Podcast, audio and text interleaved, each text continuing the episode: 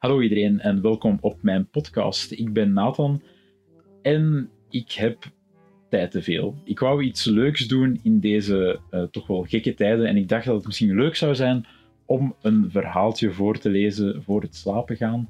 Um, in de vorm van een podcast of natuurlijk uh, gewoon op YouTube, waar dan uh, mijn gekke gezicht kan zien. Of je kan deze ook luisteren voor het slapen gaan natuurlijk.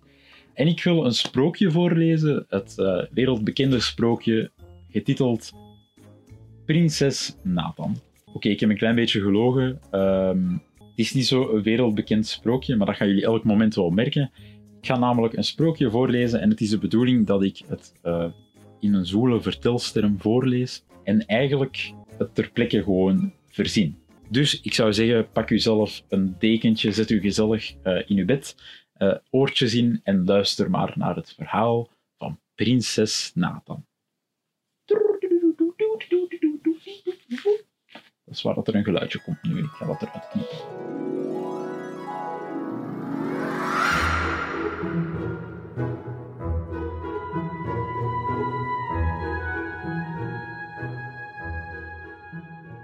En zoals elk goed sprookje start ook dit met de woorden: Er was eens. Er was eens heel lang geleden een prinses genaamd prinses Clotilde. Deze prinses woonde in het grootste en mooiste kasteel van heel Europa. En naast die prinses woonde een even mooie prinses in nog een ander kasteel, allee, iets verderop, woonde prinses Mathilde. Allee, niet, die een prins, andere prinses Mathilde. Um, ah ja. Prinses Mathilde um, was even mooi en even uh, populair als prinses Clotilde. En het is eigenlijk tussen die twee kastelen dat nog een iets kleiner huisje stond. En dat is het huisje van prinses Nathan.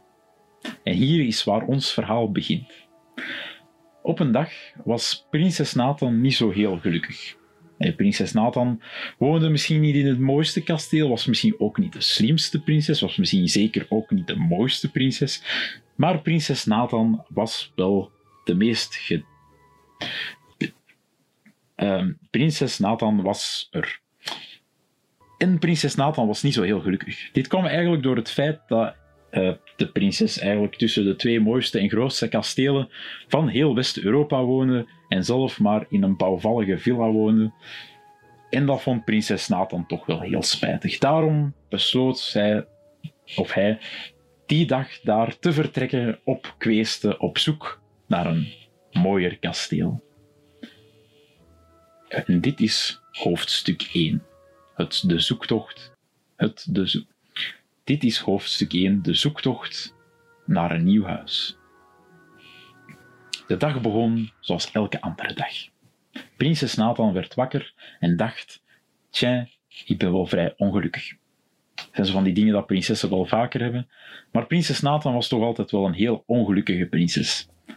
Altijd had uh, prinses Nathan wel pech. Was het nu in een sport dat ze niet zo goed kon, of um, het feit dat ze lelijk was. Uh, maar prinses Nathan dacht: ik ga vandaag mijn beste beentje voorzetten en ik ga op zoektocht naar een beter huisje. En zoals iedere prinses wel weet, heb je daarvoor de hulp nodig, niet van een makelaar, uh, maar van natuurlijk een toverfee. En prinses Nathan wist die toverfee wel wonen, namelijk waar elke toverfee woont, in het grote toverbos. Daarom besloot prinses Nathan die dag direct te vertrekken, pakte alle spullen bij elkaar en vertrok richting het magische toverbos. Eh, paard en koets en zo. Um, alleen had prinses Nathan uh, geen paard niet meer, omdat hij onlangs overleden was. En daarom ging prinses Nathan met de ezel richting het mooie, prachtige toverbos. Het was een tocht die niet zonder gevaren bleek te zijn. Ah, um, het was een tocht die zonder gevaren bleek te zijn. Dat is ook niet echt spannend. Um, kijk. Uh, ja. Het was een tocht met af en toe een gevaar. Dus prinses Nathan vertrok richting het toverbos met het paard. Klopper de klop, klopper de klop, klopper de klop. Ah nee, ezel. Klop. Ja.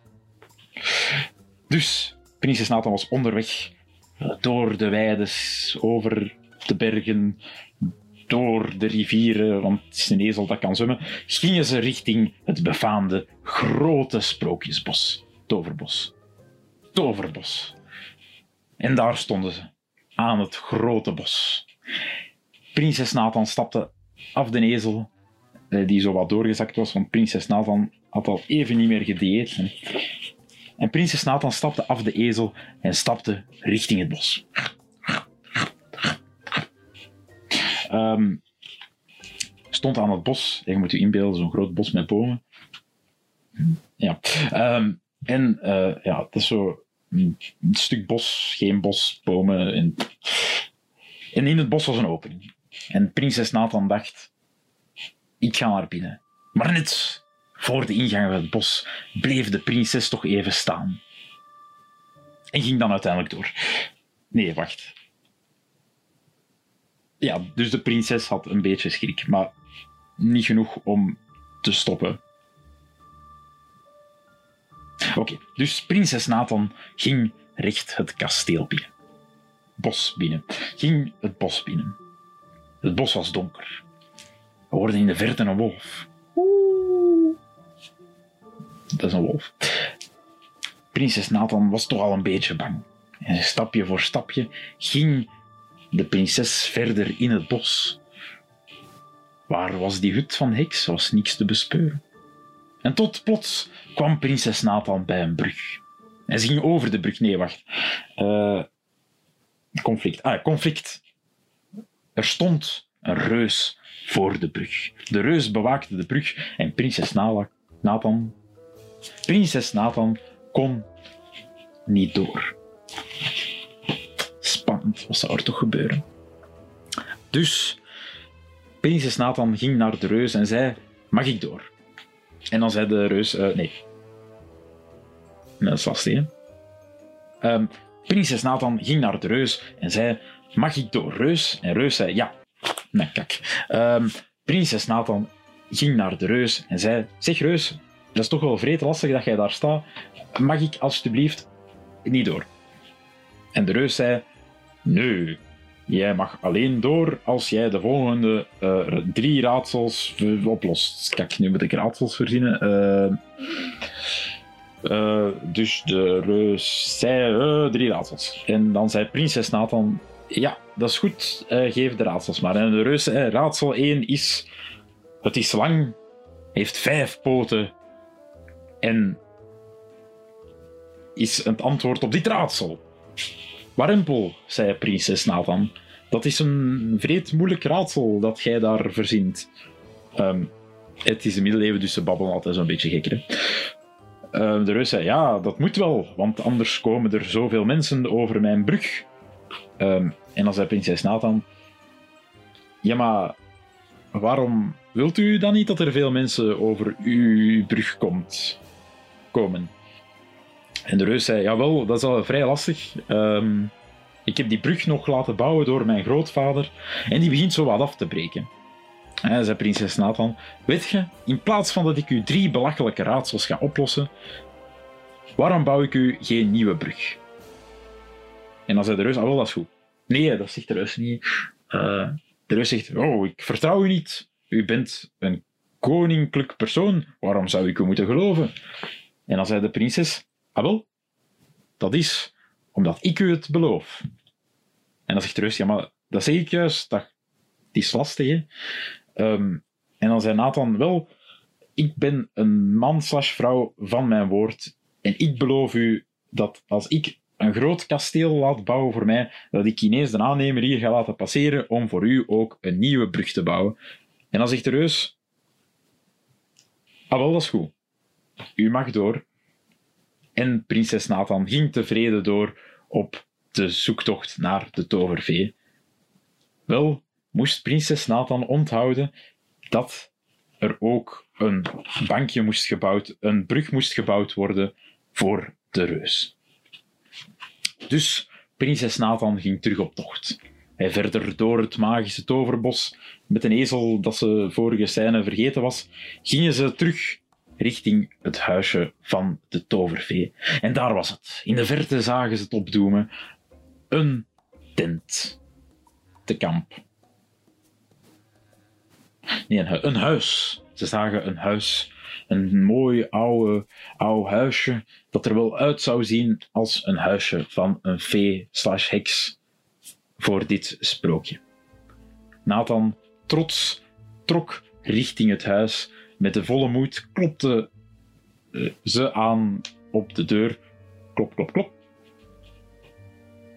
En wachtte vol ongeduld af.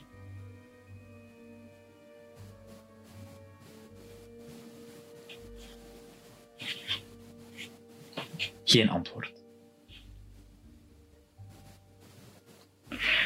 Dus prinses Nathan klopte nog eens op de deur. Klop, klop, klop. En dan gebeurde niets. Maar toch, de deur ging open vanzelf. Hallo? zei prinses Nathan. Is hier iemand? Geen antwoord. Het hutje was verlaten, helemaal leeg. Bang ging prinses Nathan het hutje binnen en legde het probleem uit. Hallo? Ik ben prinses Nathan. En uh, ja, het zit namelijk zo. Ik zou graag een groter huis willen. Um, een groot mooi kasteel om in te wonen. Dat prinses Clotilde en Mathilde stoppen met mij uit te lachen. Tovervee, ben je daar? Geen antwoord. En toen zag prinses Nathan het. Twee benen die van onderuit een bed staken. Het waren de benen van de tovervee. Ze was vermoord. Dat is deel 1 van het sprookje van prinses Nathan. Wie heeft de tovervee vermoord? Zal prinses Nathan ooit nog een kasteel kunnen krijgen? Zullen ze samen ontdekken wie dat de moord gepleegd heeft? En zal misschien de reus ook eindelijk zijn brug krijgen? Dat kom je allemaal te weten in het volgende deel van Prinses Nathan en het meest incoherente sprookje ooit verteld. Tot de volgende keer. Fabian, heb je genoten van het sprookje?